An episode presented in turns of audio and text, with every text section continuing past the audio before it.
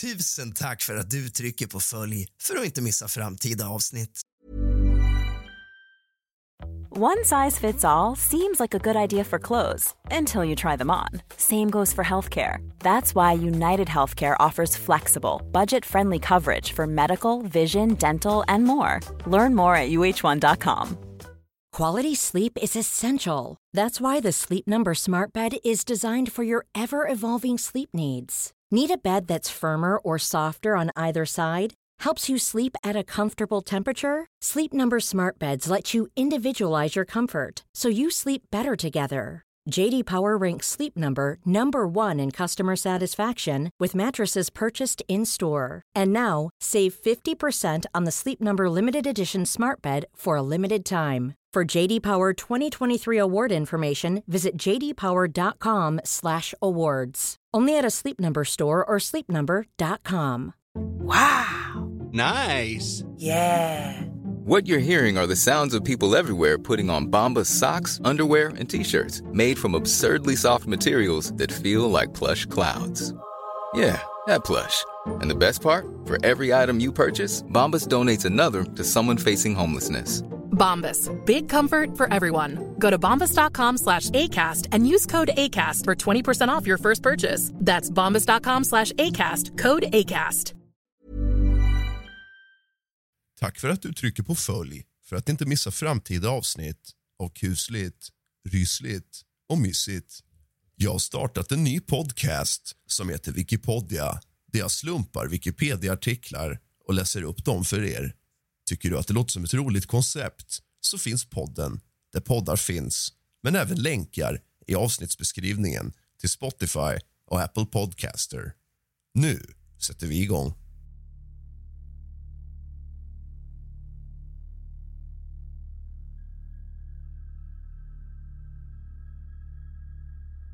God afton allesammans och kallt välkommen tillbaka ska just du vara till kusligt, rysligt och mysigt. Vad roligt att så många av er tyckte om min avsnitt om Estonia-katastrofen. Det har fått mig att förstå att ni är väldigt intresserade av konspirationer. Därför ska vi idag ägna oss åt just det. Vi ska prata om Catalina-affären. Vad hände egentligen? Så sätt er ner, hämta lite sällskap släck alla lampor och tänd alla ljus. För nu börjar dagens avsnitt av kusligt, rysligt och mysigt.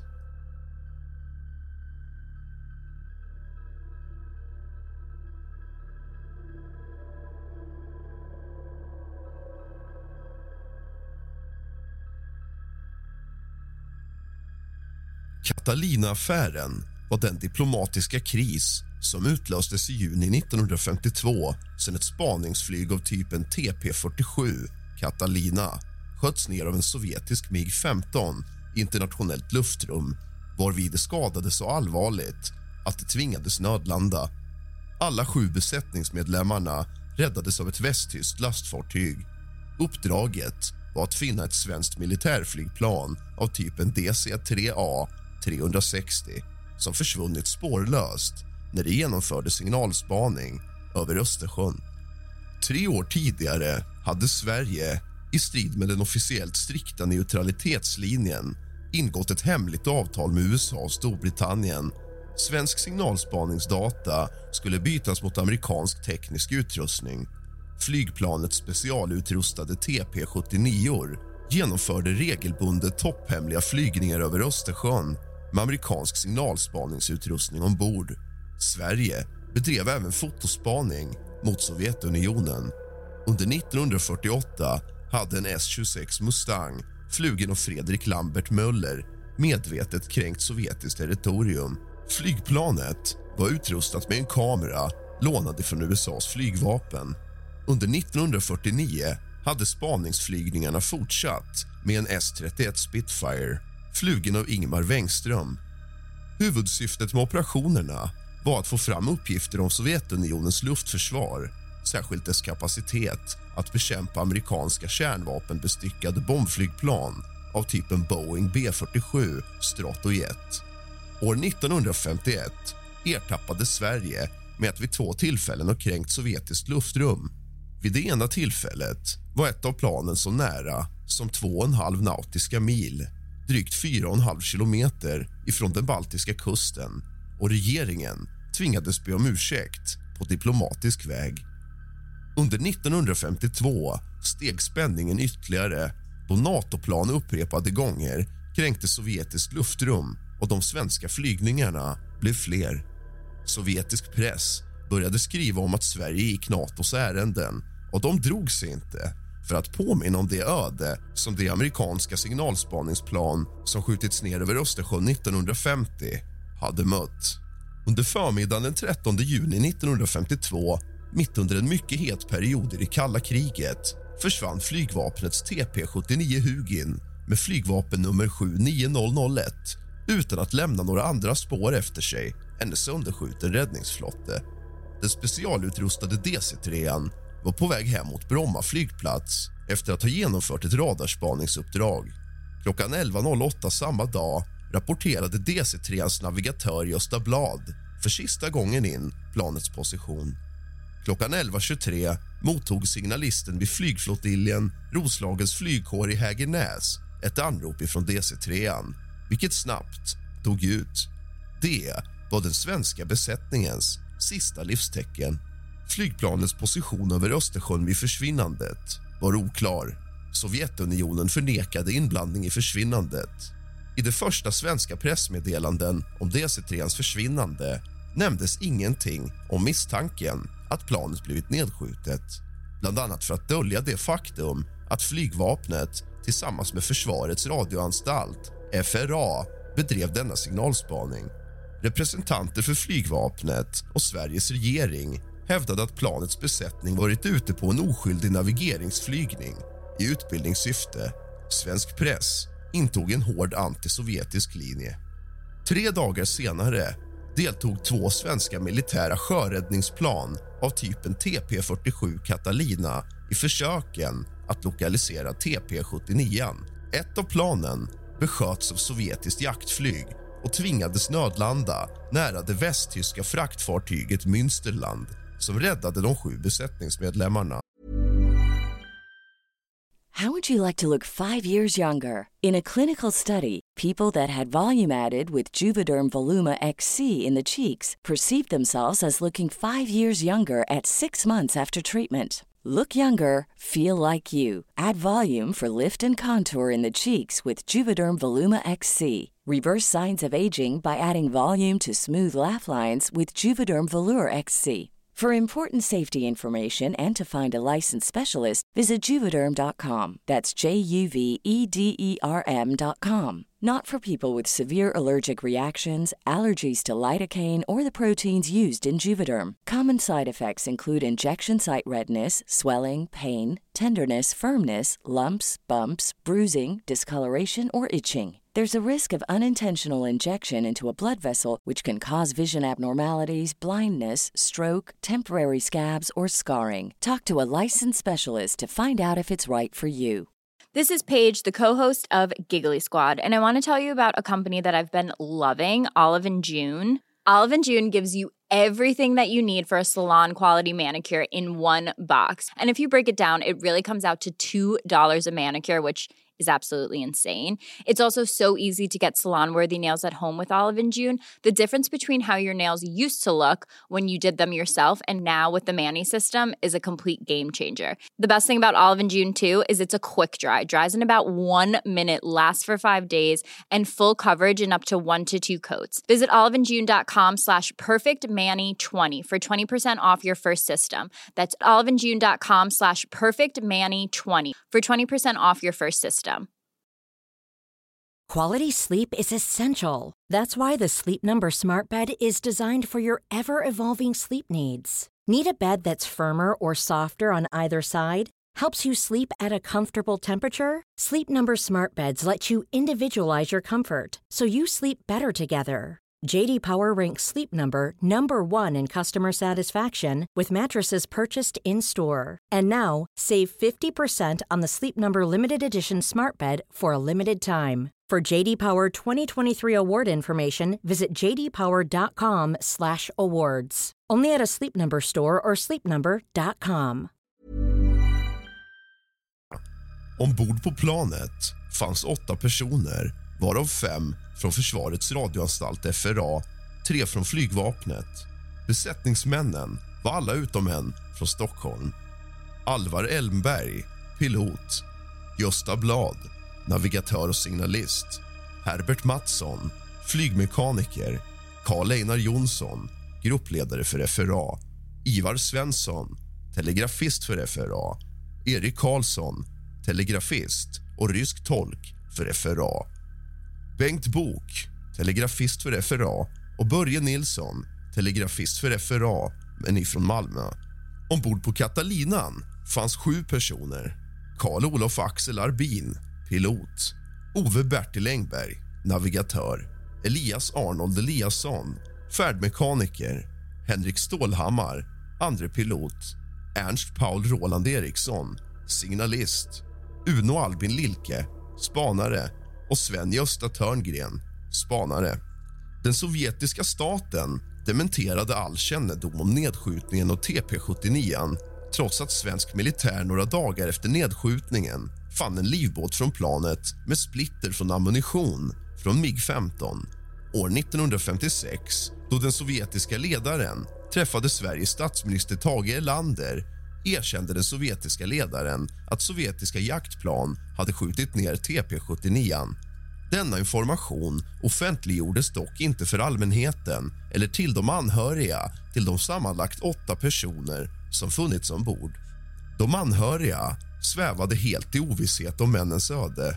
Först 1991 tillkännagav Ryssland officiellt att planet skjutits ner av ett sovjetiskt jaktflygplan av typen MiG-15 i det ryska offentliggörandet som godkändes av president Boris Jeltsin sades att DC-3 inte kränkt sovjetiskt luftrum.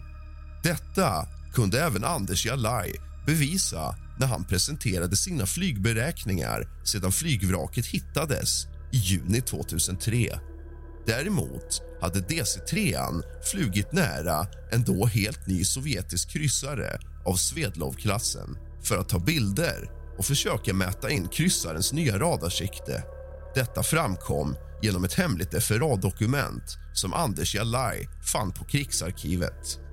Amerikansk signalspaningsutrustning kan enligt byråchef Nils Jonsson och Karl Axel Ekberg på FRA ha funnits ombord på DC-3.